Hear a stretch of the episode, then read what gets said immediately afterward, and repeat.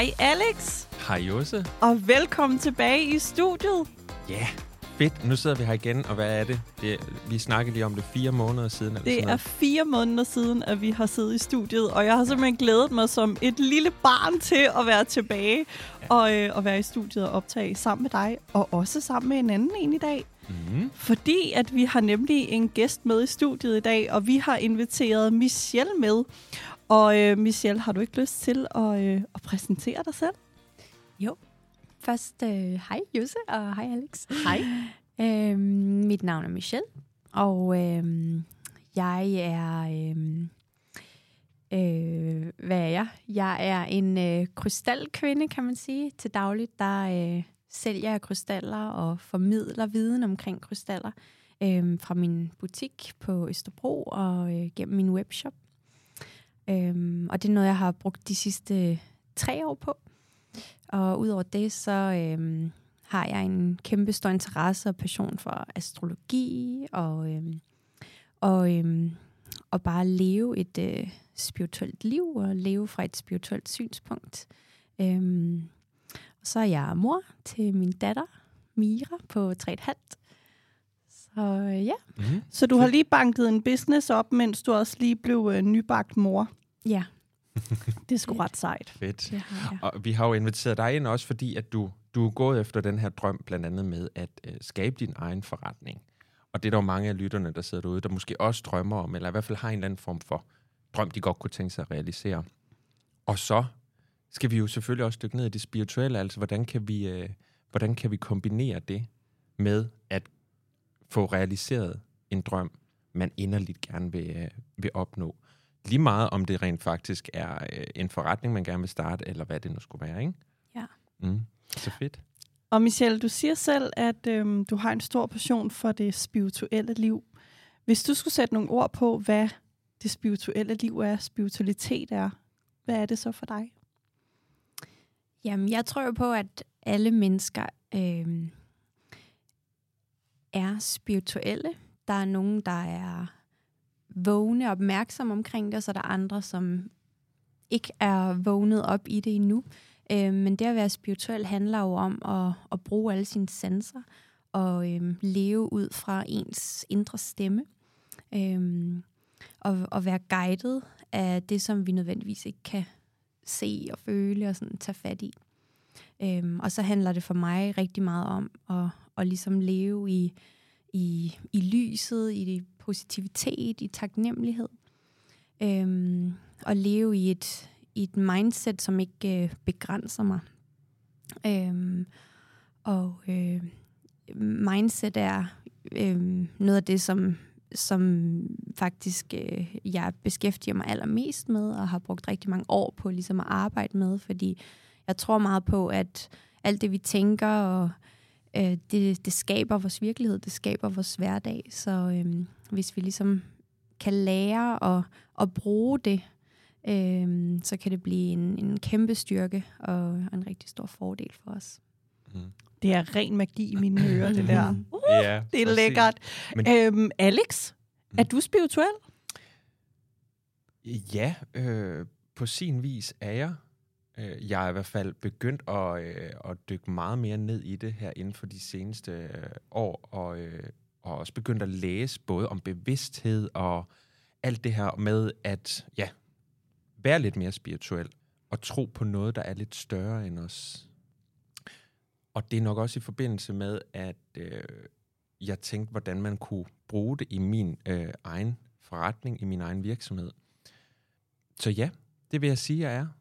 Øh, måske ikke, altså der er jo selvfølgelig levels af det, øh, og jeg har ikke været, øh, været inde i den verden i særlig lang tid, men øh, jeg opfatter mig selv som øh, værende lidt spirituel i hvert fald. Siger Ja. du med et stort smil på læberne. Ja. Men det er jo Dejligt. også det der med, at der er jo grader af det, og, Ja. øh, og jeg kender ikke så vanvittigt meget til det øh, stadigvæk. På trods af, at jeg har læst forskellige bøger om det, og, øh, og synes, det er mega spændende. Og der er også rigtig meget af det, der giver mening, og der er meget af det, jeg tror på. Altså, øh, og jeg har også oplevet meget selv af det her med, specielt nu, når jeg begynder at blive bevidst omkring det, det her med synkronicitet. Er det ikke det, det hedder? Når man... Øh, altså når tingene ikke er tilfældige eller sådan noget. Ikke? Ja. Og det synes jeg også er skide spændende. Fordi det er sjovt, hvordan tingene nogle gange pludselig bare falder på plads, og Ja. ja. der sker ting og sager, som man øh, har gået og drømt om længe, og så lige pludselig, bum, så står det bare foran en, ikke? Ja. ja. Og det her med manifest, øh, manifestation og sådan nogle ting, det har jeg også øh, forsøgt. Og det virker altså. Og hører det under den spirituelle verden? I din optik, Michelle? Øh, det synes jeg helt bestemt. Mm. Øh, det kan også høre under en, en mindre spirituel verden måske, men det er en stor del af det. Øhm, og jeg tror også, det der med, når man når til et punkt, hvor man forstår, at der er en mening med alting, øhm, så kan man altså leve meget mere i balance, fordi ja. det gør også, at man kan navigere i de her op- og nedture, som mennesker naturligt gennemgår. Øhm, det hænger også sammen med det her mindset. Øhm, men ja, helt klart. Øhm, alting, i hvert fald for mig, er en enhed. Alting hænger sammen. Øhm, og det er også derfor, at øh, der er ikke nogen tilfælde. Det er meningen, når vi møder hinanden. Det, det skaber altid noget nyt, og de fleste mennesker kan også, hvis de kigger tilbage i tiden, øh, de år, de har levet, øhm, så kan man faktisk meget hurtigt tænke, okay, når, men dengang der mødte jeg den her person, og det udviklede sig til det og det. Ja. Og, altså, så der er bare en mening med alting. Ja. Øhm, Ja. Og det er, det, altså, det, det er noget af det, der jeg synes, altså, der er det mest fantastiske ved at, at, at leve, faktisk. Ikke? Mm. Jeg synes også, at noget af det, der er, det jeg har taget med derfra, det er det her med at rense mine tanker, rense mig selv på en eller anden måde. Ikke? Altså for dårlig energi. Det her med energierne. Jeg synes virkelig, at det er tydeligt, når man først, altså når det først går op for en, at man kan styre sit eget humør og styre Mm. mm. sin egen energi. Hvordan renser du så de her negative tanker for dig selv? Hvad, hvad jeg- gør du? Altså, jeg har jo faktisk begyndt at, øhm, hvis jeg virkelig kan mærke, der hænger en eller anden dårlig negativ energi hen over mig, og det kan jeg jo mærke ved, at jeg for eksempel har en kort lunde, eller er, bare tænker negativt for eksempel, eller et eller andet, ikke?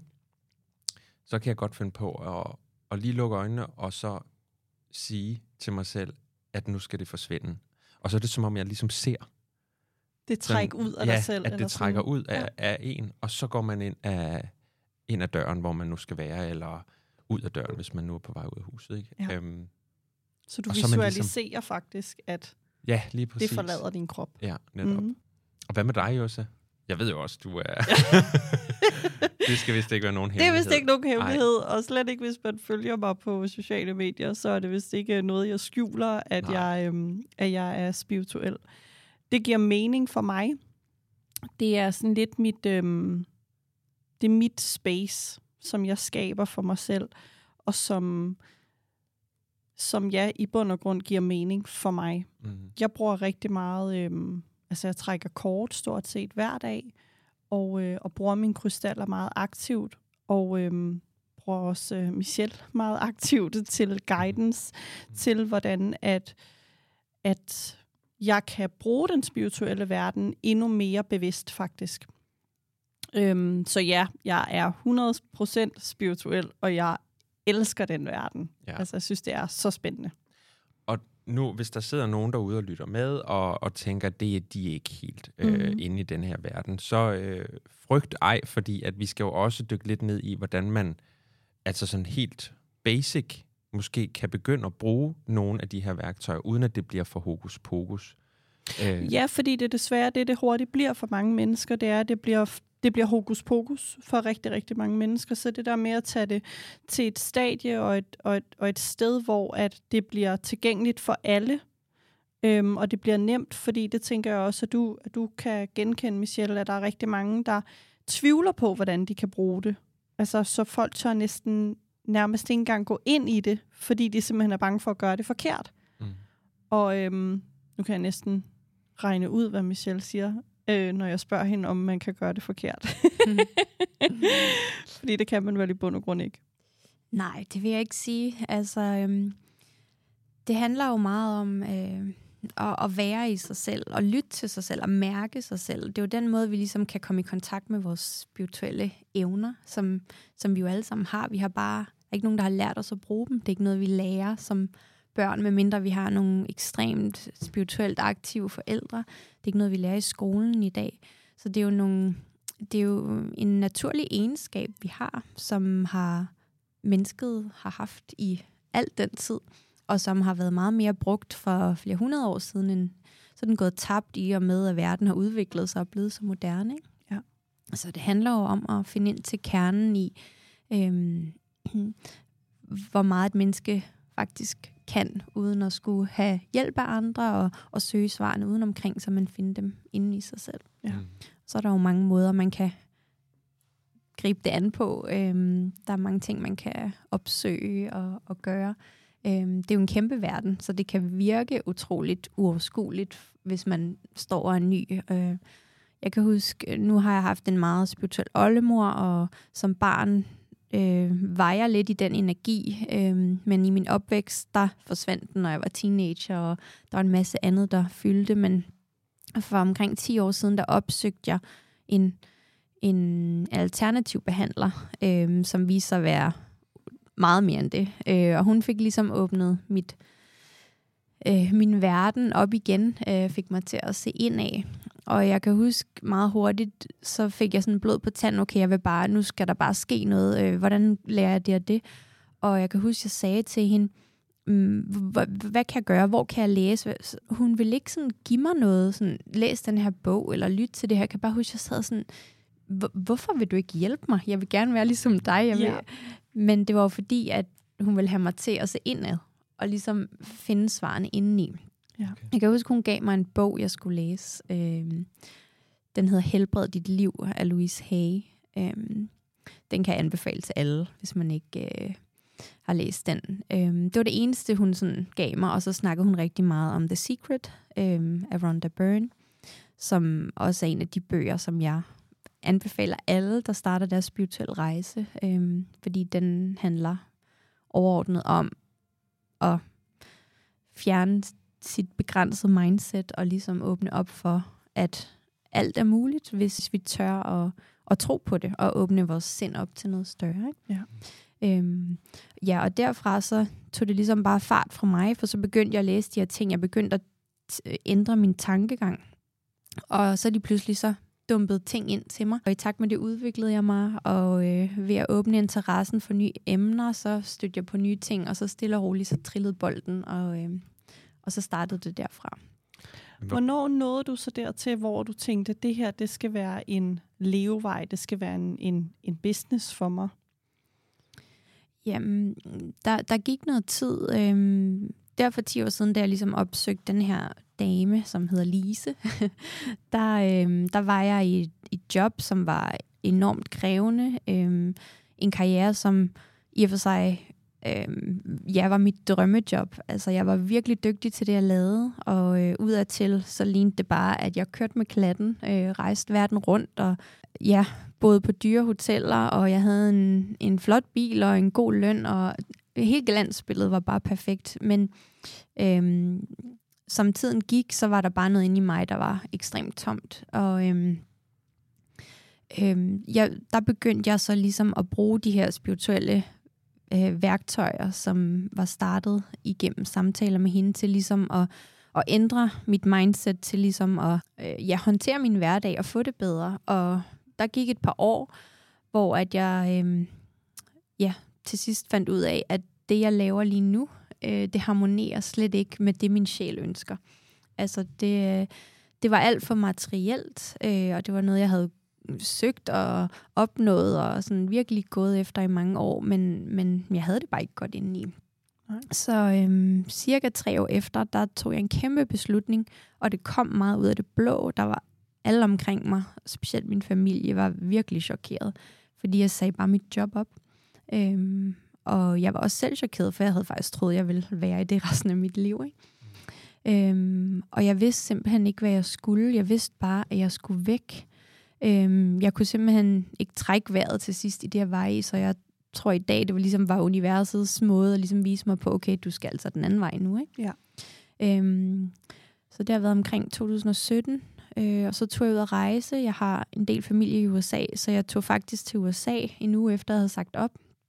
Jeg havde planlagt at lege min lejlighed ud, Øh, og jeg, igen det der med, at der er en mening med alt, så jeg lavede sådan en Airbnb-profil, og så var der en, øh, en ung pige fra Kalifornien, som skulle være, øh, tror nok, otte uger i Danmark. Og hun bare sådan, øh, ville så gerne lege den de der otte uger. Det var perfekt for mig, fordi jeg havde ikke nogen til hver uge, du ved, at, at skifte laner og sådan noget, hvis jeg skulle have sådan nogle korte Airbnb-visits. Så øh, det var bare perfekt. Så hun lejede den de der otte uger. Jeg tog til USA, brugte noget tid med særligt min kusine, som også stod i en situation, hvor øh, vi havde lidt brug for hinanden der. Og så øh, startede jeg min, min rejse. Øh, jeg vidste ikke lige, hvad jeg skulle. Øh, jeg havde stadig inde i mit hoved det her med, at jeg skulle finde en måde at tjene penge på. For lige pludselig stod jeg jo bare der. Jeg havde jo i mange, mange år, jeg har arbejdet siden jeg var barn.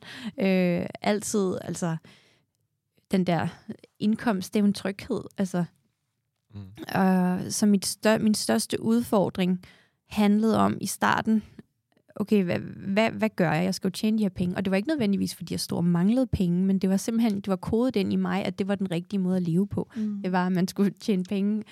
Øhm, så jeg mm, endte faktisk med at, øhm, at bruge to år på at... Øh, altså det udviklede sig til to år, den her rejse, som måske bare lige skulle have været nogle måneder. Øhm, men på de to år, der øhm, opsøgte jeg en masse... Øhm, spirituelle mennesker, og jeg tog på en masse kurser, jeg uddannede mig inden for forskellige ting. Øhm, og lige pludselig var der gået øh, to år, og så gik det op for mig. Jeg havde ikke den der faste indtægt, som jeg havde gået og tænkt, okay, hvordan skal det se ud for mig nu? Den kom aldrig, men jeg havde alligevel formået at bruge to år på at rejse verden rundt og opsøge en masse mennesker. Øhm, og jeg havde fået det til at virke ud fra det mindset, jeg havde arbejdet med. Øhm, så det er nok der, at det til dit spørgsmål ligesom startede for mig. Ja. Øhm, sådan rigtigt. Og øhm, de år, cirka to år, hvor jeg rejste, der havde jeg sådan primært base i USA. Øhm, og der mødte jeg så en, øh, øh, jeg fik en kæreste, og øh, vi øh, var meget i en fase med at finde ud af, okay, skal vi, øh, skal det være os, fordi det har meget at sige i forhold til, hvad for en visa man er på, om det er bare mm, arbejdsvisa eller sådan permanent. Og, og min, i mit hoved, der havde jeg ligesom fundet ud af med mig selv, okay, nu, jeg skal bare være i USA, altså, og jeg skal bare øh, finde en måde ligesom at, at kunne blive her på. Og det fandt jeg så også. Øhm, og så øh, i, det har så været 2019, december, der øhm, rejser så t- hjem til Danmark ved juletid, øhm, og finder så ud af, at jeg er gravid.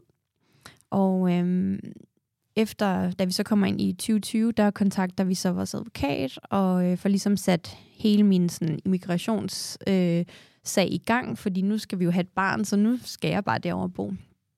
Og øh, så sker der jo så det, som vi ikke lige havde regnet med, men at der kommer den her globale pandemi, og det gør så, at øh, vi får sendt alle de der papirer afsted, men så lukker hele verden ned.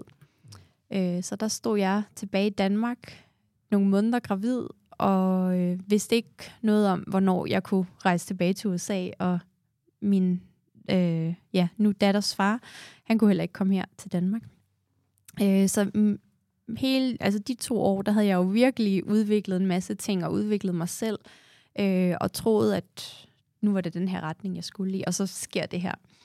Øh, men der kom den spirituelle energi mig til gode, fordi det gjorde, at jeg kunne håndtere det. Øhm, og stå i det uvisse. Jeg har altid været en person, der har haft virkelig behov for at have kontrol. Har det stadig i dag, men slet ikke i sådan en voldsom grad, som øh, det var. Men jeg stod simpelthen bare, okay, jeg måtte slippe kontrollen og tage en dag ad gangen. Øhm, og som tiden ligesom gik, øh, den her pandemi forsvandt jo ikke bare lige, og øh, ambassaderne havde lukket, der var ikke noget at gøre, så jeg skulle ligesom finde ud af, okay, jeg står her i Danmark, øh, jeg er gravid, jeg skal føde til august, øh, hvad gør jeg? Jeg ender så med at føde i Danmark, for der var stadig ikke sket noget, jeg kunne stadig ikke rejse eller noget, og får så min datter, øh, min datters far, får så mulighed for at rejse til Danmark en uge, inden jeg skal føde. Vi havde ikke set hinanden hele graviditeten.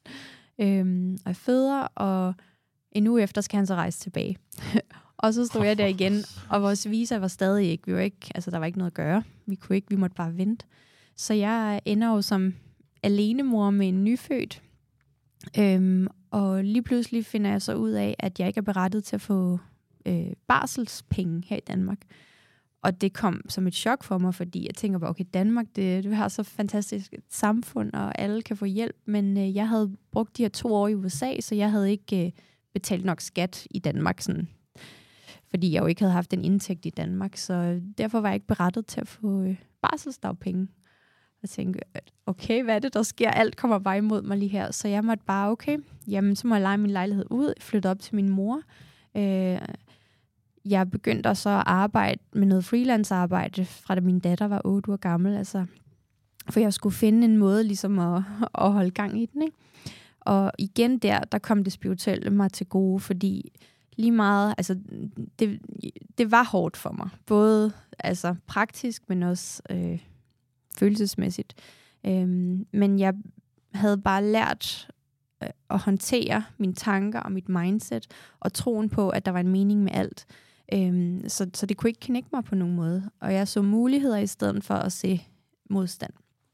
Øhm, så øh, ja, så solgte jeg de ting, der ikke var livsnødvendige for mig, så jeg havde råd til at betale min husleje. Jeg kunne jeg ringede til min bank og sagde, okay, er der noget, vi kan gøre? Øh, fik sat mit øh, boliglån på pause nogle måneder, øh, og stille og roligt navigerede jeg ligesom igennem, og, og der kom altid de her løsninger til mig.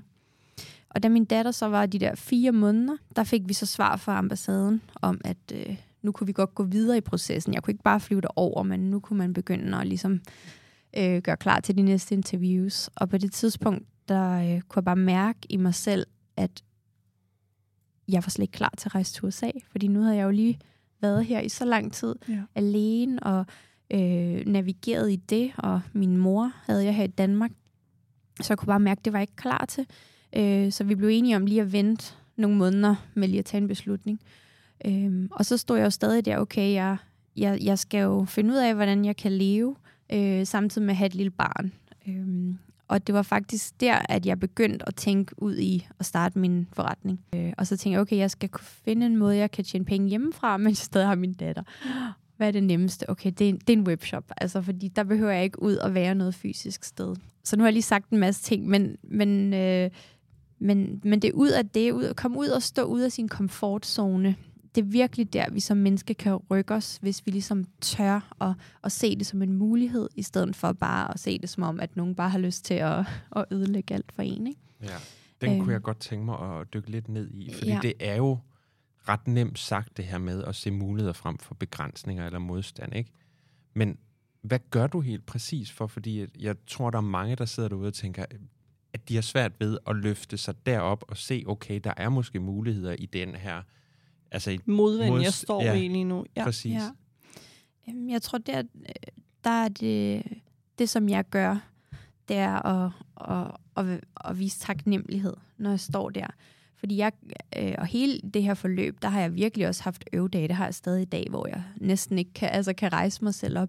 Men det, der får skuden til at vende for mig, det er at kigge på de små ting. Okay, lige nu, der er det her bare et stort kaos, men hvad kan jeg være taknemmelighed, taknemmelig for? Øhm, og der har jeg faktisk gjort det hver gang, helt basis. Okay, jeg har en seng, jeg kan sove i. Jeg kan få mad hver dag. Jeg har rent vand. Altså gå helt ned på basale behov. Og, øhm, og, og vi er jo så heldige, vi lever i Danmark. Altså, vi er jo nogle af de mennesker i hele verden, som har de allerbedste forhold. Ikke? Øhm, så jeg starter altid der. Okay, Øh, hvad har jeg? Hvad kan jeg være taknemmelig for? Og så stille og roligt arbejde op derfra. Ja, okay. Fint. Der fik man i hvert fald lige lidt konkret, man ja. kunne gøre, når det er, man møder modstand. Fordi det er jo bare... Det, og, altså, det er skide hårdt jo også, når man står der. Nu har vi jo, vi har jo også mødt masser af modstand i forhold til at starte virksomheder op og så videre, ikke? Jo. Og nogle gange har jeg i hvert fald synes, det kunne være svært at vende bøtten om og tænke, Nå, men det er jo skide fedt, det her. Det, er jo, det giver mig mulighed for det og det og det, ikke? Jo. Men det er jo så godt, det der. Lige præcis. Ja. Det er virkelig noget, som er tilgængeligt for alle, og ja. som alle kan. Præcis.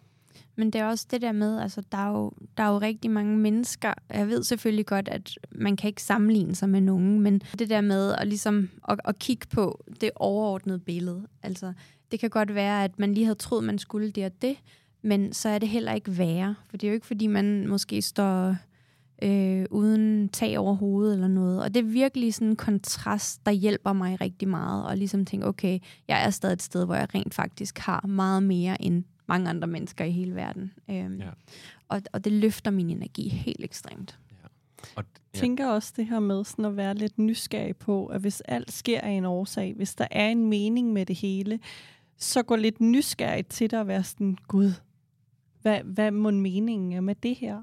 Så, så i stedet for at sætte sig og gå måske lidt i offerrollen, som man godt kan gøre, når man står der i, øh, i kæmpe modvind, og livet bare øh, giver lusinger fra den ene og den anden side, så egentlig være sådan lidt nysgerrig på, hvad er det egentlig, at det her det skal føre mig hen? Lige præcis. Ja. I stedet for at blive stående der, ikke? Absolut. Ja. Altså, øhm, ja. Du har virkelig en spændende, spændende historie, Michelle. Det er mm. virkelig. Jeg kunne faktisk også godt tænke mig at dykke lidt ned i det her med, nu nævnte du også selv comfort zone.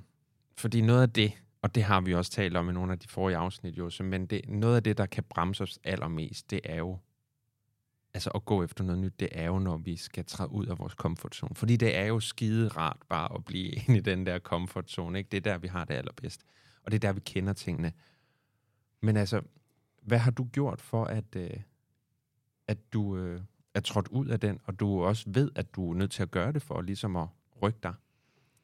Jamen, altså, jeg har gjort to ting. Jeg har altid været meget realistisk omkring øh, min situation, så øh, det er ikke nødvendigt. Jeg har aldrig haft en plan B, men jeg har altid været, okay, hvis, hvis jeg vil det her nu, øh, øhm, så, øh, så kan det være, at jeg må give afkald på nogle andre ting. Og det har hjulpet mig lidt med at ligesom, træde ud af den her komfortzone, fordi øh, der har jeg før i tiden haft nogle, øh, et billede af, hvad der var øh, det rigtige. Øhm, og øh, når man så træder ud over det, så det er jo der, man virkelig bliver skræmt. Og øh, jeg kan huske, øh, i de to år, jeg brugte på at rejse, der var jeg øh, til sådan et stort event med en mand, der hedder Tony Robbins, som I måske kender. øhm, og jeg kan huske... Ham han, kender vi godt. ham kender vi godt. Åh, oh, ham kender vi altså godt. jeg kan huske, vi havde en, en uh, sektion, der handlede om det her um, begrænsede uh, altså, ja, tankegang. Mm. Og uh, um, nu kan det godt være, at jeg kommer til at tale om noget helt andet, end du spurgte. Men, men det er bare noget af det, der har hjulpet mig allermest. Det er det der med, i stedet for at vi altså når vi går ud af vores comfort zone, så går vi jo ud af vores normen og ens vaner, det vi tror er normalt. Øhm, men ligesom øh, definere, okay, er det normalt, fordi du synes, det er normalt, eller er det normalt, fordi nogle andre mennesker, der har sagt til dig, at det her er normalt? Øhm, og det var en af de ting, jeg lærte der, fordi øhm, hele min barndom, der er ligesom hedder det der, okay, man skal arbejde rigtig hårdt for at opnå sine resultater. Og det har jeg klart taget med mig, fordi jeg har altid arbejdet rigtig hårdt. Men det behøver nødvendigvis ikke at være øh, i den firkant, som det har været præsenteret for mig der. Øhm, så jeg har bare, jeg kommer tilbage igen til det der med at, at se muligheder. Øhm, så da jeg trådte ud af min komfortzone, så øh, sagde jeg ligesom nej til at gå tilbage i et øh, job, hvor jeg havde den her trygge indkomst. Men i stedet for, så gav jeg afkald på nogle ting. Jeg, jeg, jeg solgte ting for ligesom at have råd til at leve. Jeg fremlagde min lejlighed for at have dækket de udgifter. Øhm, og hver gang jeg så en mulighed for at, at tjene en lille smule penge, så gjorde jeg det uanset hvad det var. Om det var, at jeg skulle gøre rent, eller handle ind for nogen. Altså jeg, jeg, jeg så mulighederne, og jeg... Øh, jeg, jeg tror jeg også, jeg satte min standard lidt ned, fordi jeg, var sådan, jeg kan bare mærke, at, øh, at det var ikke rigtigt for mig at blive den der komfortzone. Mm. Fedt. Gav det mening? Ja, det gør det. det giver så meget mening. Altså, du har jo virkelig haft et uh, drive og et gå på mod i forhold til bare at ja, finde løsninger. Og det er jo så inspirerende og fedt Helt vildt. at høre om. Ja. Og nu siger du selv, at du har gået hos øhm, Lise, Ja. Og øhm, jeg tænker det her med sparring, fordi man, jeg tænker, du har stået meget alene. Det kan godt være, at det er bare en eller anden idé, jeg har, men, men sådan, wow, du øh, er blevet mor, din, din datters far er på den anden side af, af jordkloden, og har faktisk nærmest ikke engang mulighed for at, at komme og besøge dig i Danmark. Øhm, du bliver nødt til at flytte hjem til din mor for at få dækket altså udgifterne for lejligheden, og så banker du lige en webshop op, og øh, så ved jeg også, at du har, har åbnet din egen butik, jo, som du også har sagt. Hvem sparer du med i alt det her? Jamen, altså, øh, jeg har været ekstremt alene med meget. Øhm, og de sidste tre år, som jeg har brugt på at, at, at åbne og drive den her virksomhed, der har jeg faktisk næsten ikke sparet med nogen. Øhm, men jeg vil så sige, jeg har brugt meget af den erfaring, som jeg har fra tidligere, øh, min tidligere karriere, og så de to år, som jeg jo rent faktisk brugt, der sparede jeg jo med rigtig mange. Der ja. opsøgte jeg jo denne her viden øh, til at arbejde med mig selv, til at udvikle mig selv. Så jeg vil sige, jeg har nok allermest sparet med min øh, viden og erfaring fra før.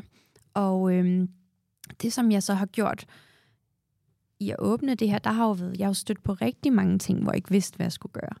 Øh, så man kan sige, så har jeg, jeg har brugt Google rigtig meget. Jeg har sparet rigtig meget med Google. Det ja. er jo en ven, vi alle sammen har. Ja. Og der er jo, hvis man vil, så kan man få rigtig meget hjælp ved at opsøge den. Øhm, så jeg har brugt oceaner af tid på at lære mig selv nye ting.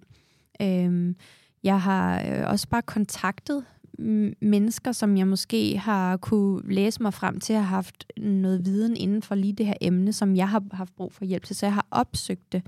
Øhm, og så har jeg, øh, så har jeg nok allermest brugt min mor øh, i en sparring, og den sparring har handlet om, øh, om det har været rigtigt at tage de her beslutninger. Og jeg tror ikke, min mor har givet mig svaret, men nogle gange kan det hjælpe bare at have den her person, man kan ringe til. Ja. Og specielt når man står alene og skal skabe en masse nyt. Øh, der er virkelig min største anbefaling. Ha' en eller anden person, hvor du har en aftale med, når det hele glipper for dig, eller når du føler dig stresset, eller hvis du kan blive sådan helt angst omkring. Altså, have en person, du kan ringe til. Ha' din sådan, sikkerhedslinje. Det er ikke sikkert, mm. at du skal bruge det til at have et svar, men den der støtte. Ja. Og så vil jeg sige, jeg har virkelig sparet med, med mig selv og min intuition. Jeg har, ja. Du sidder helt og holder dig på maven, ja. når du siger det. Ja. Jeg har øh, nu, og det lyder måske også hokus pokus det her, men jeg har det sådan meget med de ting, jeg ønsker at opnå, og de ting, jeg ønsker at tiltrække, dem, jeg visualiserer det rigtig meget, men jeg, jeg spørger også efter dem. Og det gør jeg, øhm, det kan jeg gøre ved at, at sige ting højt, men jeg gør det rigtig meget også inde i mit hoved. Jeg skriver tingene ned, og jeg jeg, jeg beder faktisk til universet øh, om de her personer, som måske lige skal hjælpe mig, eller den her viden, som jeg mangler for at kunne gøre det, det den, den spørger jeg efter. Og hvordan og, øh, spørger du efter den? Altså sådan skriver du ned, jeg har behov for viden til det her, eller send mig viden til det her, eller hvordan ja, spørger du altså jeg, om det? Oftest så gør jeg det, inden jeg går i seng. Øhm, jeg ligger mig ned på min seng, og øhm, og slapper helt af. Nogle gange kan jeg også godt meditere lidt, men der siger jeg inde i mit hoved, øhm, helt enkelt bare, øhm, kære univers, kære engle, kære forfædre, hvem jeg nu har lyst til at spørge, øhm, øhm, bring mig den person, der skal hjælpe mig med det og det. Øh, guide mig til at finde den viden, der skal åbne øh, op for de her muligheder. Det, at det behøver ikke at være noget, altså der er ikke nogen rigtig måde at spørge på. Jeg, jeg spørger bare efter det, eller siger, jeg, jeg skal finde den her øh, person. Øh, nogle gange kan jeg også finde på at bare sige, denne her løsning kommer til mig, når det er meningen, den skal. Øh, så, ja, jeg, jeg, der, jeg tror, at... Der er også sådan en saying, du kan faktisk ikke lige huske, hvordan den er. Åh, oh, den er god. Det er noget, god, den ting der. Nej, men der er et eller andet med, at øh, læreren viser sig, når eleven er klar, eller sådan noget. Har du hørt den før? Ja. ja. Er det sådan, den er, cirka? Øh, ja, jeg ved faktisk ikke, hvordan den er, men jeg ved Nej. godt, hvad det er. Ja. Så, så ja. jeg sgu aldrig hørt det rigtigt. men det, jeg synes faktisk, den er meget klog. smukt. Ja, men det, det handler jo også om tålmodighed igen. Mm. Fordi, øh, og det er en af de ting, jeg også bruger rigtig meget. Det er at være tålmodig.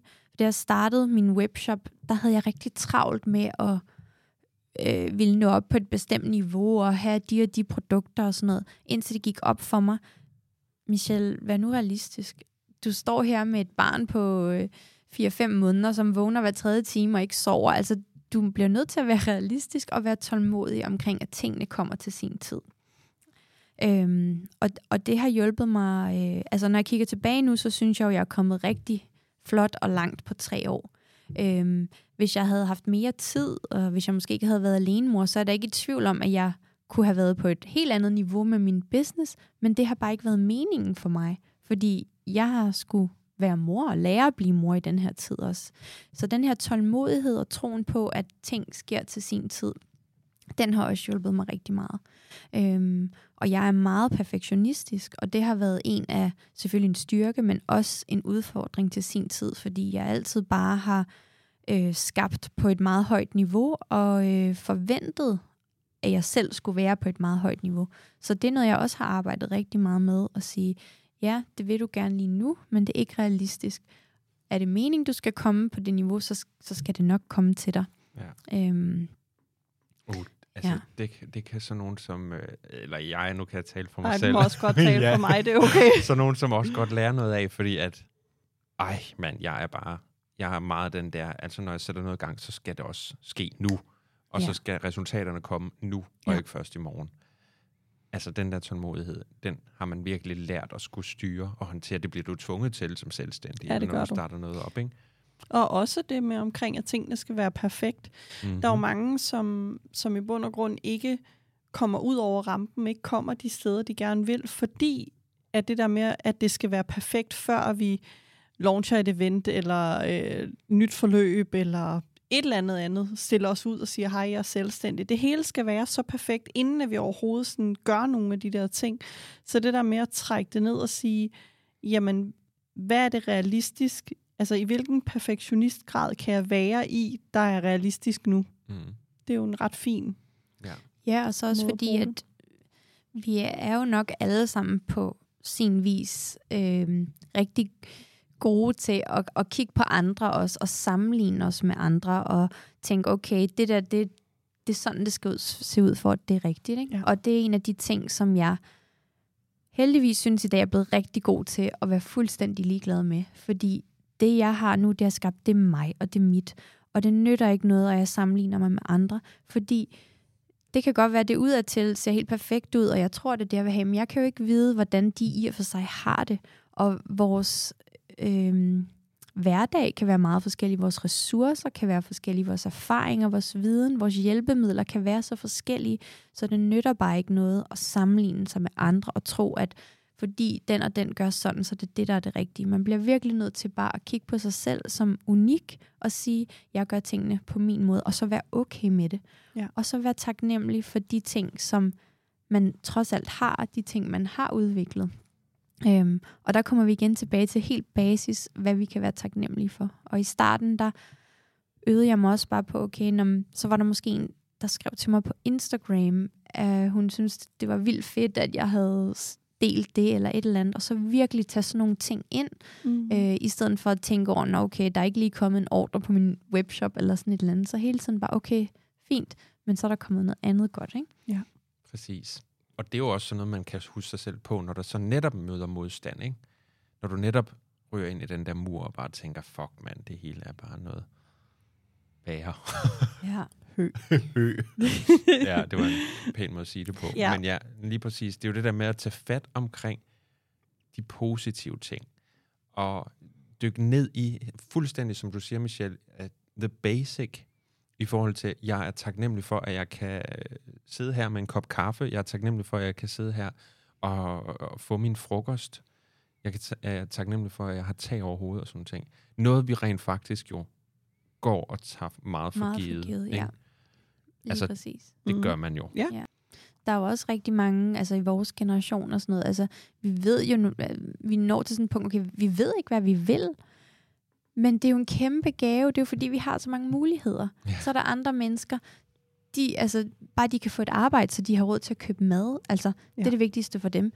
Vi er så privilegerede, vi ved slet ikke, hvad vi vil, fordi vi har så meget at tage af at gøre og vælge, ikke? Jo. Jo. Så det er virkelig sådan, kom ind til kernen, okay, det er jo, det er jo fordi, vi er så privilegerede. Ja. Øhm, så der, Så der er rigeligt at sætte på den liste der over taknemmelighed. ja. Ja. Det er der virkelig. Michelle, jeg kunne faktisk godt tænke mig at høre lidt, hvorfor du tror, at, at man ser spiritualitet vende mere og mere frem. Fordi man ser jo derude, at der kommer flere bøger omkring det. I hvert fald, altså... Ja. Det er i hvert fald, hvad jeg ligesom øh, har Ja, lagt det mærke dukker til. op flere og flere steder. Det dukker altså, op det flere steder i forskellige former, ikke? Lidt mere sådan okay. Altså det bliver Mhm. ikke, det, det, det er ikke så hokus pokus mere. Altså sådan, Som det var engang. som Nej. det var engang. Nej. Og det er jo også det der med, nu har øh, altså sådan en som Rikke Hertz for eksempel, hun har jo virkelig også taget hånd om det her med øh, spiritualitet ind i erhvervslivet, hvor det jo netop er mænd i jakkesæt og, og alt sådan noget, ikke? hvor tingene er meget corporate, Ja. ja. og måske meget, altså slet ikke over i de tanker, men lige pludselig finder man jo ud af, der er mange, der går med de tanker, men de siger det ikke rigtigt, de fortæller mm. ikke rigtigt om det. Nej. Øhm, altså, meget kort svar til det er, det er fordi, det er meningen, det skal ske nu. Øhm, nu går jeg jo sindssygt meget op i særligt astrologien, og der er nogle kæmpe store ting, der sker øh, nu og er sket de sidste mange år, som indikerer, at verden øh, skal åbne sig op til den her visdom, der er, for vi ligesom, altså, vi kan ikke blive ved med bare at, at leve i, altså, den her moderne verden bliver ved med at udvikle os, men hvis vi ikke selv udvikler os og åbner op for de gaver, vi har, så er der noget, der går i stå. Så jeg tror, jeg, jeg ved, at det hele er meningen. Øhm, så tror jeg, at hele den her pandemi, vi har været igennem, har fået rigtig mange mennesker, givet dem en mulighed for ligesom at mærke efter og se ind af. Øhm, altså, vi kan jo bare se på de her to-tre år, hvordan alt har ændret sig. Nu kan man lige pludselig arbejde hjemmefra, og der er meget mere frihed, og øhm, den verden, vi lever i i dag, der, der skal der være mere plads. Og det kommer også til at åbne op for, at der er plads til, at vi kan mærke efter på en anden måde, så vi ikke hele tiden bare kører i det her hamsterhjul. Ikke? Øhm, så, øh, så, så, så der, er, der er rigtig mange forskellige grunde til det, men overordnet er det, fordi det skal ske nu. Okay. Øhm, og og øhm, hvis man bare kigger tilbage øh, 70-80'erne, sådan noget som krystaller, som jeg beskæftiger med i dag, det var jo kæmpe hit dengang også. Og så er det ligesom om, så blev der lukket lidt ned for det igen. Ikke? Øhm, men det er fordi, at, at øh, vi har vi har alt tilgængeligt i dag. Vi har så mange, øh, så meget udstyr og sådan noget, så mennesket kommer til at føle en naturlig tomhed i alt det, vi har nu, fordi at vi ikke får vækket vores sanser nok. Og det er derfor, at, at så mange nu naturligt åbner op for det, der er større. Ej, jeg Øhm. elsker det. Og prøv at høre, det der, det er jo et helt afsnit for sig. Ja. Det, kan Ej. vi, det kan vi jo dykke ned i en anden gang. Det er altså, hvis så vi skal ned spændende. i detaljerne, Altså- jeg skal sige.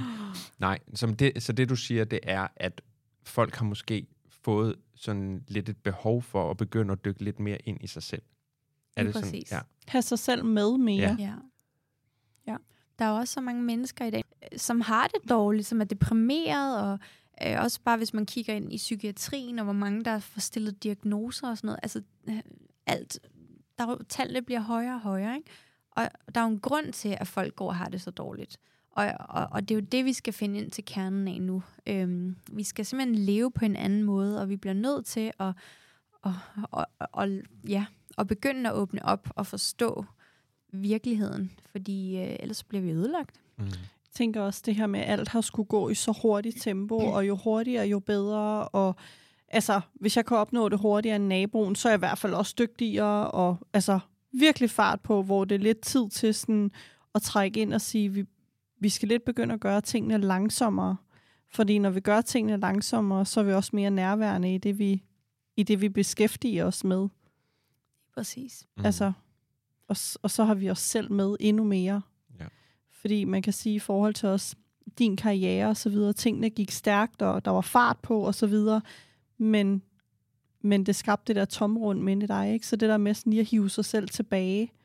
Og så for mig handler det også rigtig meget om igen, at det der med, det giver mening. Altså, vi som mennesker har behov for at have noget, der giver mening. Og der tror jeg også bare, at det har en rigtig, rigtig stor værdi. Lige præcis. Så jeg kan mærke, altså, det som giver mig allermest, det er, når jeg får lov at gøre en forskel og hjælpe andre. Det job, jeg havde før, der, der gjorde jeg på sin vis også en forskel. Øhm, men hos, den største del af mit job, det handlede om at generere en masse penge for Mm. en stor virksomhed. Og det gav mig ikke noget. Øhm, så, øhm, Så det, det er simpelthen, det er følelser, det er, øhm, det er den her kærlige energi, vi skal finde ind til, som kan give os noget selv, men også til dem omkring os. Mm. Og så begyndte du så at få denne her, det her ønske om at starte din egen forretning. Ja. Det, der gjorde jeg interessen for krystaller kom, det var faktisk på den rejse, og det de her to år, hvor jeg var ude at mm. rejse, der var det simpelthen krystallerne, de, de kom til mig af mange forskellige årsager. De, altså, jeg stødte på dem hver dag, og da jeg begyndte at øh, lære lidt mere om dem, så var det faktisk dem, der fik mig til at, at føle, at der var en mening med noget større. Øhm, det var dem, der guidede mig videre. Det var dem, der fik mig til at blive på den her rejse, i stedet for bare at tage hjem. Jeg havde to fantastiske kontrakter, jeg bare kunne skrive under på, og så havde jeg et job igen. Og det var virkelig fristende for mig.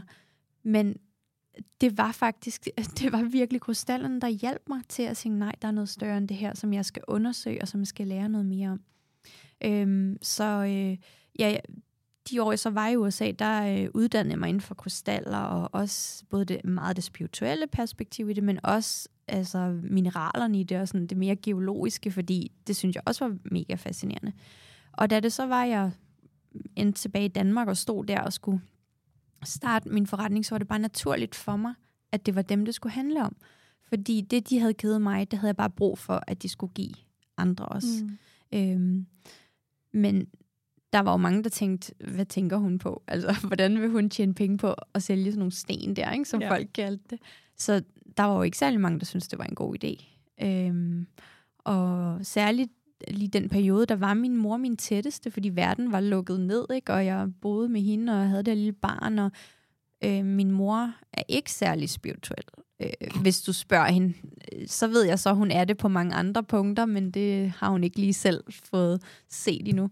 Øhm, og hun var ligesom den eneste, jeg sådan havde at kunne tale med det her om, så det var rigtig svært. Øhm, så, så det var simpelthen min indre stemme, jeg var nødt til at lytte til. Øhm, og, øh, og så stille og roligt gik jeg, jeg kan huske, at jeg lavede en Instagram-profil først, og så begyndte jeg bare at øh, lægge nogle billeder op, hvor jeg fortalte nogle ting om de her krystaller og sten, og fortalte lidt om, hvad de havde gjort for mig, og hvordan jeg brugte dem. Og så stille og roligt udviklede det sig, og så havde jeg en veninde, der sagde, hvorfor laver du ikke en webshop? Så var sådan, nej, jeg kan da ikke lave en webshop, du ved. Det er da, det er da alt for langt ude i fremtiden. Og sådan, det, det synes jeg, du skal gøre. Så var sådan, okay, mm, jamen, det gør vi da bare. Ja, Og øh, på halvanden måned, der fik vi simpelthen øh, bygget den her webshop op. Og min veninde, hun hjalp mig sådan lidt med at finde ud af, hvor den her webshop, hvad for en platform det skulle være på, og sådan lidt. Men alt det andet lavede jeg jo selv. Øh, designede den og skrev øh, alt muligt tekst og alt sådan noget. Jeg kan huske, at lige de der... Fordi så havde jeg jo sat en deadline for, hvornår den skulle være færdig. Fordi sådan er jeg jo, du ved. Ja. Nu skal det bare ske. øh, og jeg kan huske, at jeg sad om aftenen og planlagde sådan, skulle lige lave den der mælkeflaske klar til Mira, for hun ville vågne om tre timer, så kunne jeg lige sidde tre timer, og du ved, jeg arbejdede om natten, det hele, altså det var mega hårdt. Det var det virkelig. Ja. Men det var den eneste mulighed, jeg havde, fordi ja, min mor gad da ikke bare lige at, at sidde med min datter i tre dage, for hun synes jo, det var en underlig idé, jeg havde. Så jeg havde jo ikke, jeg havde ikke andre muligheder, end at bare finde en løsning. Øhm, så jeg sad simpelthen og knoklede med den der webshop, øhm, og fik den startet. Og, og der kan jeg også huske, at jeg må tage mig selv i, kommer ikke til at være perfekt fra start, selvom det havde jeg jo lidt håbet. Ikke? Men jeg var sådan, nej Michelle, nu stopper du prøv at høre, nu er du nået så langt, du er nået et skridt videre, og så tager vi den derfra. Det her, det er realistisk for dig nu. Ja, så øh, gik den live 19. februar 2021, snart tre år siden. Ikke? Ej, skål på det. Ja. Vi kan godt lige skåle på det. Skål. Og, og hvor lang tid gik det så, før du åbnede din butik? Ja, det første halvandet år, der, øh, der var det webshop. Og de første, nu kan jeg ikke lige huske, jeg, altså jeg var jo på barsel, selvom jeg ikke fik barsel, men jeg havde jo ikke min datter i vuggestue, så det var jo sådan, jeg måtte jo gøre det, jeg kunne, ikke? Øh, og øh, så kan jeg huske, at jeg, når der var mulighed, så arbejdede i min mors butik, for jeg skulle tjene nogle penge, og du kan jo ikke bare åbne en webshop, og så har du kunder. Altså sådan fungerer det bare ikke, medmindre du øh, har en masse penge, du kan skyde i marketing og sådan noget. Så det måtte jo vokse gradvist, ikke? Og så jeg gjorde alt, hvad jeg kunne. Jeg vidste bare, at jeg ville prøve det her af, for jeg ville, havde ikke lyst til at sidde tilbage og fortryde noget, jeg ikke havde gjort. Nej. Øhm, så det startede, og jeg vil sige, efter tre måneder, der øh, var der kommet sådan okay gang i den her webshop. Øhm, så, øh, så valgte jeg så, jeg havde, jeg havde brugt rigtig mange penge de der år, jeg var ude at rejse, af det, jeg havde. Jeg havde virkelig offret, hvad jeg havde, og som jeg sagde før, solgt de ting, jeg havde af værdi, fordi jeg ville investere dem i noget andet. Og det gjorde jeg også til sit med webshoppen, fordi jeg virkelig troede på det. Ja. Øhm, og så fik jeg den stille og roligt op og køre. Øhm, ikke noget voldsomt, men der kom nogle penge i kassen, og de mm. penge, jeg så lige havde til overs, kunne jeg bruge på at få lavet nogle annoncer, så jeg kunne udvikle det noget mere. Øhm, og jeg havde jo alligevel ikke tid til at gå ud og, og feste og bruge penge på alt muligt, for jeg havde jo en datter 24-7, så jeg havde heller ikke behov for at bruge penge på andet end husleje, mad og min webshop. Altså det ja. var virkelig basis. Øhm, og jeg havde det faktisk ret okay med det, og, og sådan er det stadig i dag. Altså nu har jeg en webshop, som er, kører rigtig godt, øh, og det er jo så også i takt med den er vokset, jeg har haft mulighed for at åbne en forretning. Og jeg kan huske, at jeg skal åbne den her forretning, der skulle jeg øh, lægge et pænt stort depositum. Øh, og øh, jeg havde den her taske, som jeg havde købt øh, tilbage i mit tidligere job. Jeg havde arbejdet rigtig hårdt for at have råd til at købe den her taske. Og den, i de sidste mange år havde den bare stået inde i øh, mit skab, og bare sådan, nej, den skal bare sælges, fordi den er ikke livsnødvendig for mig. Og det var ligesom den sidste sådan meget, meget dyre genstand, jeg havde tilbage. Så den solgte jeg, så jeg havde penge til at lægge det her depositum i min butik. Altså, jeg bliver helt jeg... rørt. Jeg sidder seriøst med tårer i øjnene, for jeg synes simpelthen, det er så powerful, at man, når man tror så meget på sin egen drøm, og så gør, hvad der skal til. Altså. Ja. Nå, Jos. Du ja. sidder helt med tårer i øjnene. det ja. er det også. Det er meget stærkt. Det er også en måde ligesom at vise universet på, at man virkelig vil det, fordi jeg kan ikke gå og ønske mig en masse midler, hvis jeg har noget stående, der har meget værdi, som jeg alligevel ikke bruger. Så ja, det var, øhm, det var svært for mig at sige farvel til den, men jeg har slet ikke tænkt over det efter, Nej. fordi så havde jeg mulighed for at tage et nyt skridt. Øhm, ja. Og i dag, altså, altså jeg tjener jo ingen penge i forhold til, hvad jeg har været vant til at gøre. Øhm, men det vigtigste er du for okay, mig, jo? jeg sidder og tuder på men det er bare heller ikke det, der er vigtigt i dag. Altså, jo, jeg vil da rigtig gerne stadig udvikle min forretning og have noget mere økonomisk frihed, fordi jeg vil rigtig gerne ud og rejse noget mere og sådan noget. Men lige nu er det vigtigste bare for mig, at jeg kan betale mine udgifter. Jeg kan give min datter det, hun skal bruge. Øhm, og så er jeg faktisk ligeglad med, med alt andet, fordi det er ikke det, der giver mig værdi. Øhm, og den læring har været guld værd for mig. Øhm, det, det har den virkelig. Fedt. Ja. Meget inspirerende. Helt det tænker jeg også, jeg inspirerende. er du okay? Skal du lige have en pause? jeg er okay. Nå, det er godt. Nå, Michelle, jeg kunne godt tænke mig at høre lidt om, altså, hvordan du bruger det spirituelle i forhold til det her med at drive din forretning. Ja, Øhm, jeg bruger den på mange forskellige øh, måder. Mm-hmm. Øhm, jeg blander den også rigtig meget sammen med astrologien, men øh, det kan jeg fortælle om bagefter. Øh, det, som jeg gør, øh, jeg, jeg, jeg, ja, jeg beder meget efter mine øh, som kunder og de ting, jeg ønsker til min forretning. Øh, jeg siger dem højt for mig selv, det jeg ønsker. Og så øh, bruger jeg rigtig meget taknemmeligheden. Øh, og øh, taknemmelighed i forhold til, at hver en kunde eller mulighed, der kommer til mig, sætter jeg utrolig meget af. Jeg gør meget ud af at sige tak for det sådan højt, for så føler jeg virkelig, at det manifesterer sig til noget mere. Øhm, så øhm, har jeg også lært, øh, nu synes jeg altid, jeg har været sådan nogenlunde gavmildt menneske, øh, men jeg giver Øh, endnu mere fokus til det. Øh, så jeg ønsker altså at give min kunde noget mere end bare det, hun betaler for fordi det har jeg også oplevet kommer til at give mig mere i sidste ende. Øhm, og øh, jeg kan huske, der er sådan et citat fra den her bog, The Secret, hvor Rhonda, hun siger, always give more than you get. Og det siger jeg hele tiden til mig selv. Altså, øh, der går aldrig noget af af mig, at jeg giver mere til mine kunder. Øhm, så, så det er, øhm, ja, det er sådan en øh, levevej, eller hvad skal man sige, min virksomhed har. Og så bruger jeg selvfølgelig meget min intuition. Øhm, så jeg mærker meget efter, øhm, hvad mit næste step skal være, hvis jeg skal investere nogle penge i nogle varer eller et nyt tiltag. Øhm, der gør jeg virkelig meget ud af at, øh, at mærke efter, om det er det rigtige. Øhm, og øh, jeg kan også godt finde på at spørge universet, øh, kan jeg gøre det og det, så giv mig et tegn. Og så kan jeg finde på at sige for eksempel, øh, vis mig det i øh, noget bestemt, øh, en fjer, eller vis mig et ja på en eller anden måde, så ved jeg, at det er det rigtige. Så jeg, jeg spørger efter de her tegn, for ligesom at blive forsikret omkring, at det er det rigtige, jeg skal gøre. Øhm, og så som jeg lige kort sagde, øhm, så interesserer jeg mig, jeg arbejder meget med astrologien, så øh, specielt min butik gik jeg meget op i, at den skulle åbne på en bestemt dato, hvor især månen og planeterne stod på nogle bestemte placeringer. Øh, jeg kan også huske, at jeg skrev under på min kontrakt med min udlejer. Øh, der ville han mig til at skrive under, og der kunne jeg bare se, at månen stod helt forkert. Så jeg skrev til ham, at jeg var i Aarhus, så jeg først kun to dage efter. Altså, fordi det, var, det er noget, jeg virkelig tror på og virkelig bruger, så det var bare ekstremt vigtigt for mig, at jeg ventede de to dage med at skrive under på min kontrakt, fordi at jeg tror rigtig meget på de der energier.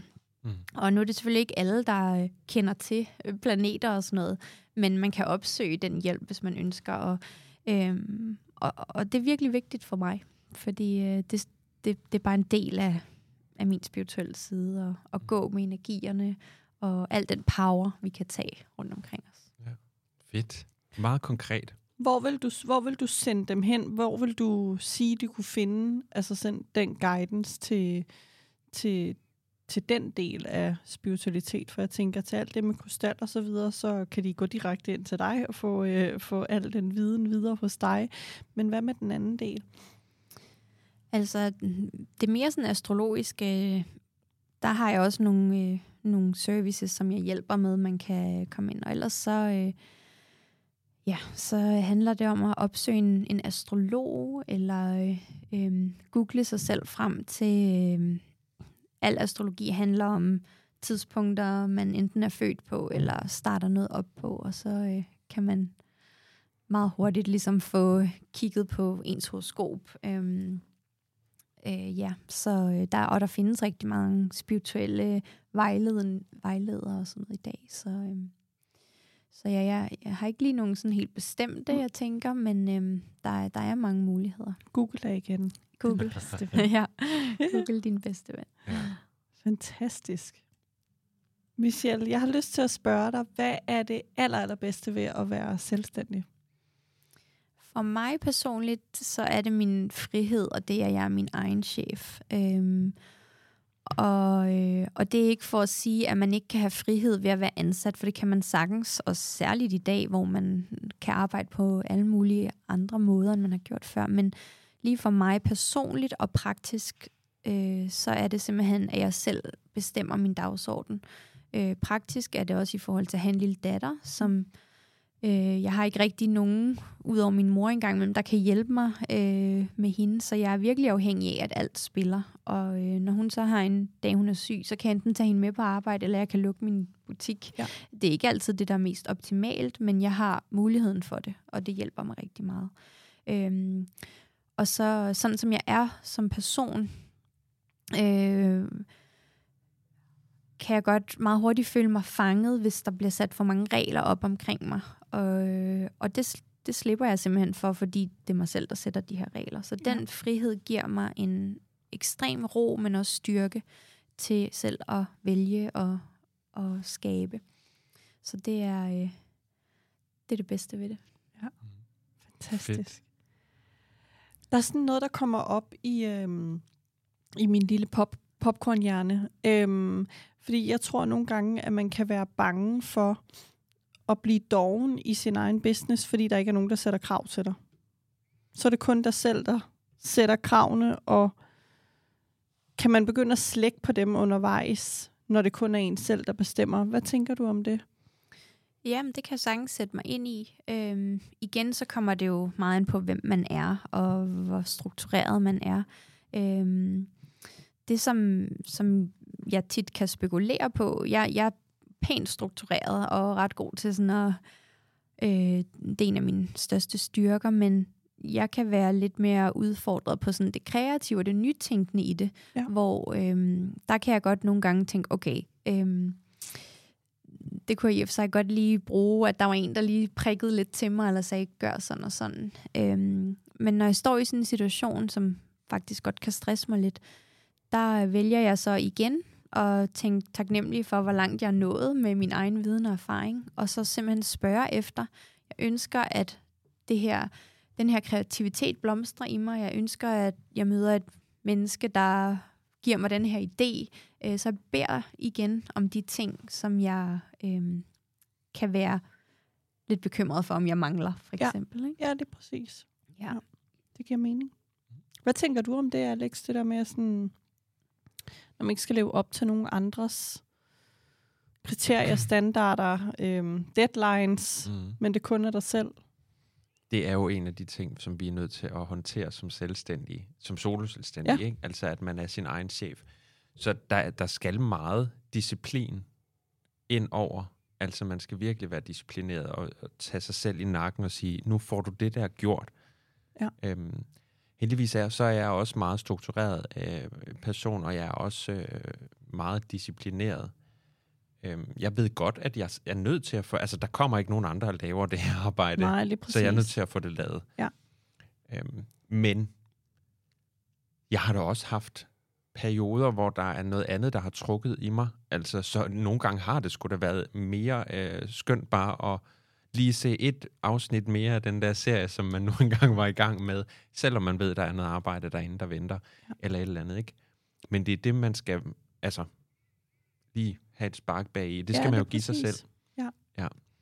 Eller det kan være omvendt. Øh, det kan jo også være, at man er sådan en type, der ligesom glemmer at leve, og så bare kun ja. fokuserer. Ja. Ikke? Ja. Og det kan også være en udfordring. Og, og den har jeg, kan jeg godt have en tendens til at komme over i. Jeg tror øh, faktisk, der er mange selvstændige, der har det sådan, fordi oh, ja. man er så passioneret ja. omkring ja. det, man, man er i gang med at, at, at få op og og, og køre, og sådan, man kan jo virkelig se en mening med det, man skaber. Ja, og, og specielt hvis man er alene om tingene, så ved man jo også, at det sker jo kun, hvis man selv gør noget. Ja. Øhm, og jeg har en sådan helt naturlig tendens til at være sådan lidt workaholic-type. Ja. Og derfor tror jeg også, at det er så meget meningen, at jeg skulle få min datter på den måde og stå alene med hende, fordi jeg havde ikke andet end at tage et valg i at, at skabe noget balance jeg kan ikke være 100% workaholic, for hvem skal så tage sig af Mira? Ja. Og, og det er også de ting, som jeg sådan struggler med i dag, fordi at jeg har høje standarder, og jeg har rigtig meget, jeg skal nå, men jeg, har, men jeg skal også være mor og tage mig et hjem og sørge for, at der bliver handlet ind. Så det er sådan en balance, som jeg øver mig rigtig meget i. Og jeg vil sige, kig de tre år tilbage nu her, øh, der er blevet meget bedre til det. Altså jeg, jeg lyver ikke, når jeg siger, de sidste tre år, jeg har arbejdet hver eneste dag de tre år, for det er mega hårdt. Ja. Men jeg er blevet meget bedre til at øh, prioritere, hvilke arbejdsopgaver jeg fokuserer på. Blive lidt mindre perfektionistisk med nogle ting. Og også blevet bedre til at lukke i og sætte mig om aftenen og se en serie, fordi det er sådan noget, jeg før har bare skåret af, fordi jeg vidste, jeg bliver nødt til at gøre det her. Ikke? Ja. Og det er jo så også i takt med, at jeg har fået noget mere erfaring, og jeg har fået bygget noget op, så kan man trække sig lidt tilbage på nogle tidspunkter. Men det er vigtigt, fordi øhm, selvom jeg arbejder med min passion, og mange iværksætter, det er jo ens passion, man arbejder med i de fleste tilfælde.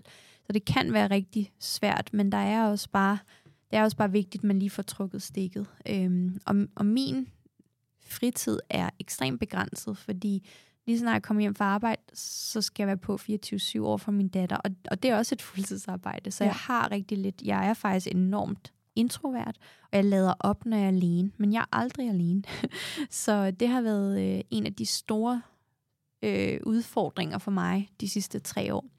Øhm, og der, altså, der bruger jeg virkelig meget. Jeg mediterer øh, morgen og aften, og det behøver ikke at være lang tid, men den eneste måde, jeg ligesom får koblet af på.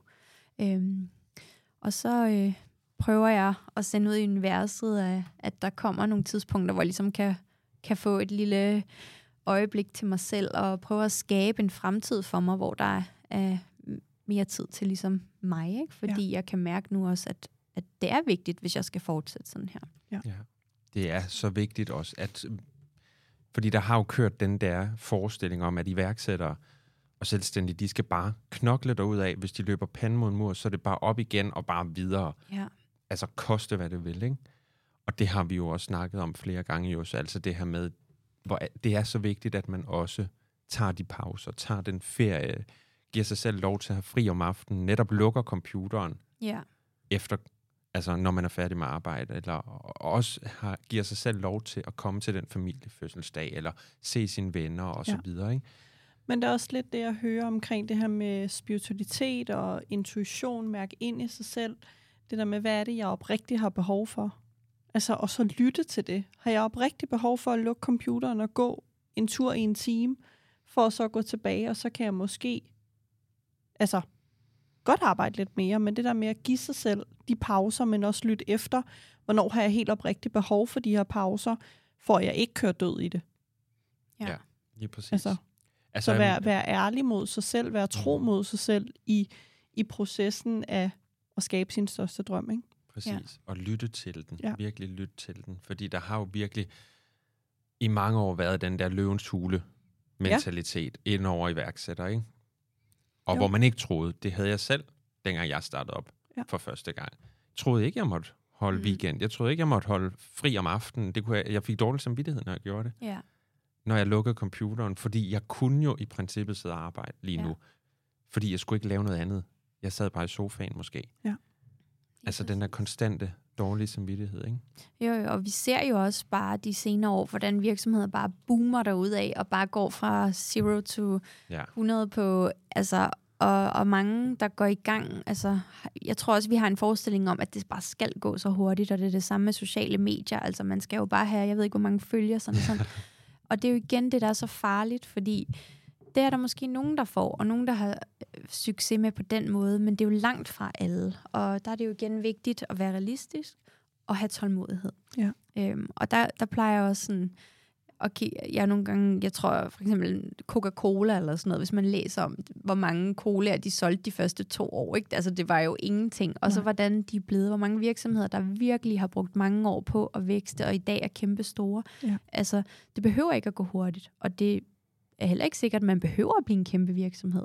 Altså, jeg vil gerne vækste min forretning, men jeg har ikke noget behov for, at den bliver mere global, eller at jeg ender med at have 100 ansatte, eller sådan noget. Det, altså, det er jo op til en selv, ja. hvad, der, hvad der er rigtigt, og hvad man ønsker. Ikke? Og det er jo netop det, der, øh, der sådan, det der med at huske, hvad er det egentlig, jeg drømmer om.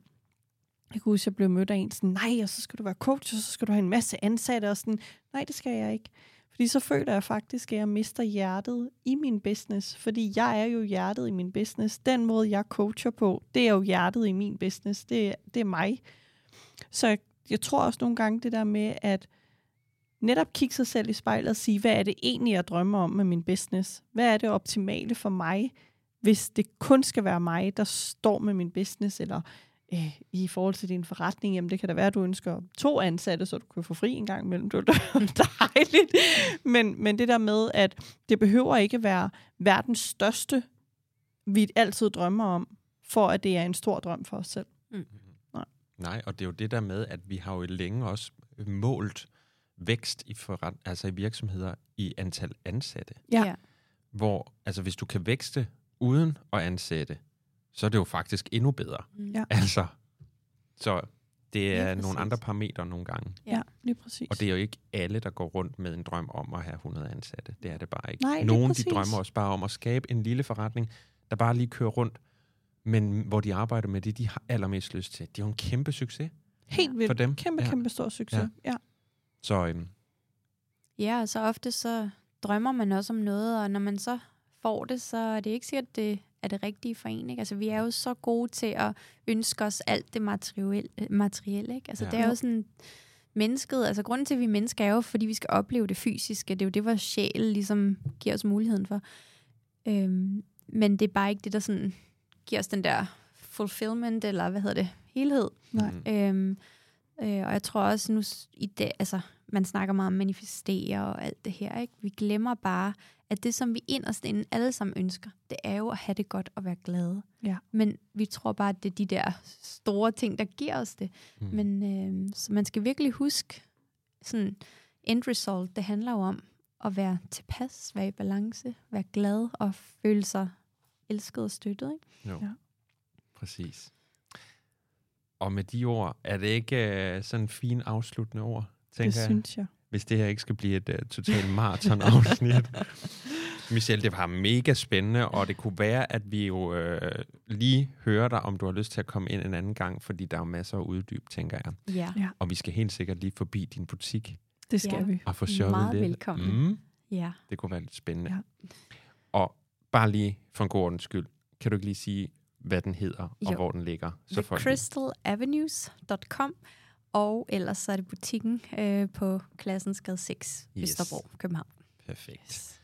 Og jeg tænker også, at man på din webshop kan læse lidt mere om øh, de forskellige ting og dig og så videre. Lige Ja, præcis. Ja. fedt. Dejligt. Mm. Mm. Sikkert er et fantastisk afsnit og, øh, at få optaget og komme tilbage i studiet på den her Ja. måde. Det har, øh, det har virkelig været fantastisk. Og tak fordi, at øh, du ville komme med i studiet, Michelle. Ja, og det har selv været tak. Kæmpe tak, fordi I vil fornøjelse. have mig. Selvfølgelig. Helt bestemt. tak for det. Og øh, Alex, tak for dig. Selv tak. Tak for at være med tilbage i studiet. Det var også en fornøjelse at øh, sidde bag mikrofonerne sammen med dig. Ja, og i lige måde. Og øh, ellers så er der jo ikke andet end at sige, vi øh, lyttes ved snart igen. Det gør vi i hvert fald. Mm. Er det Ja. godt? Ha' det godt. Hej. Hej.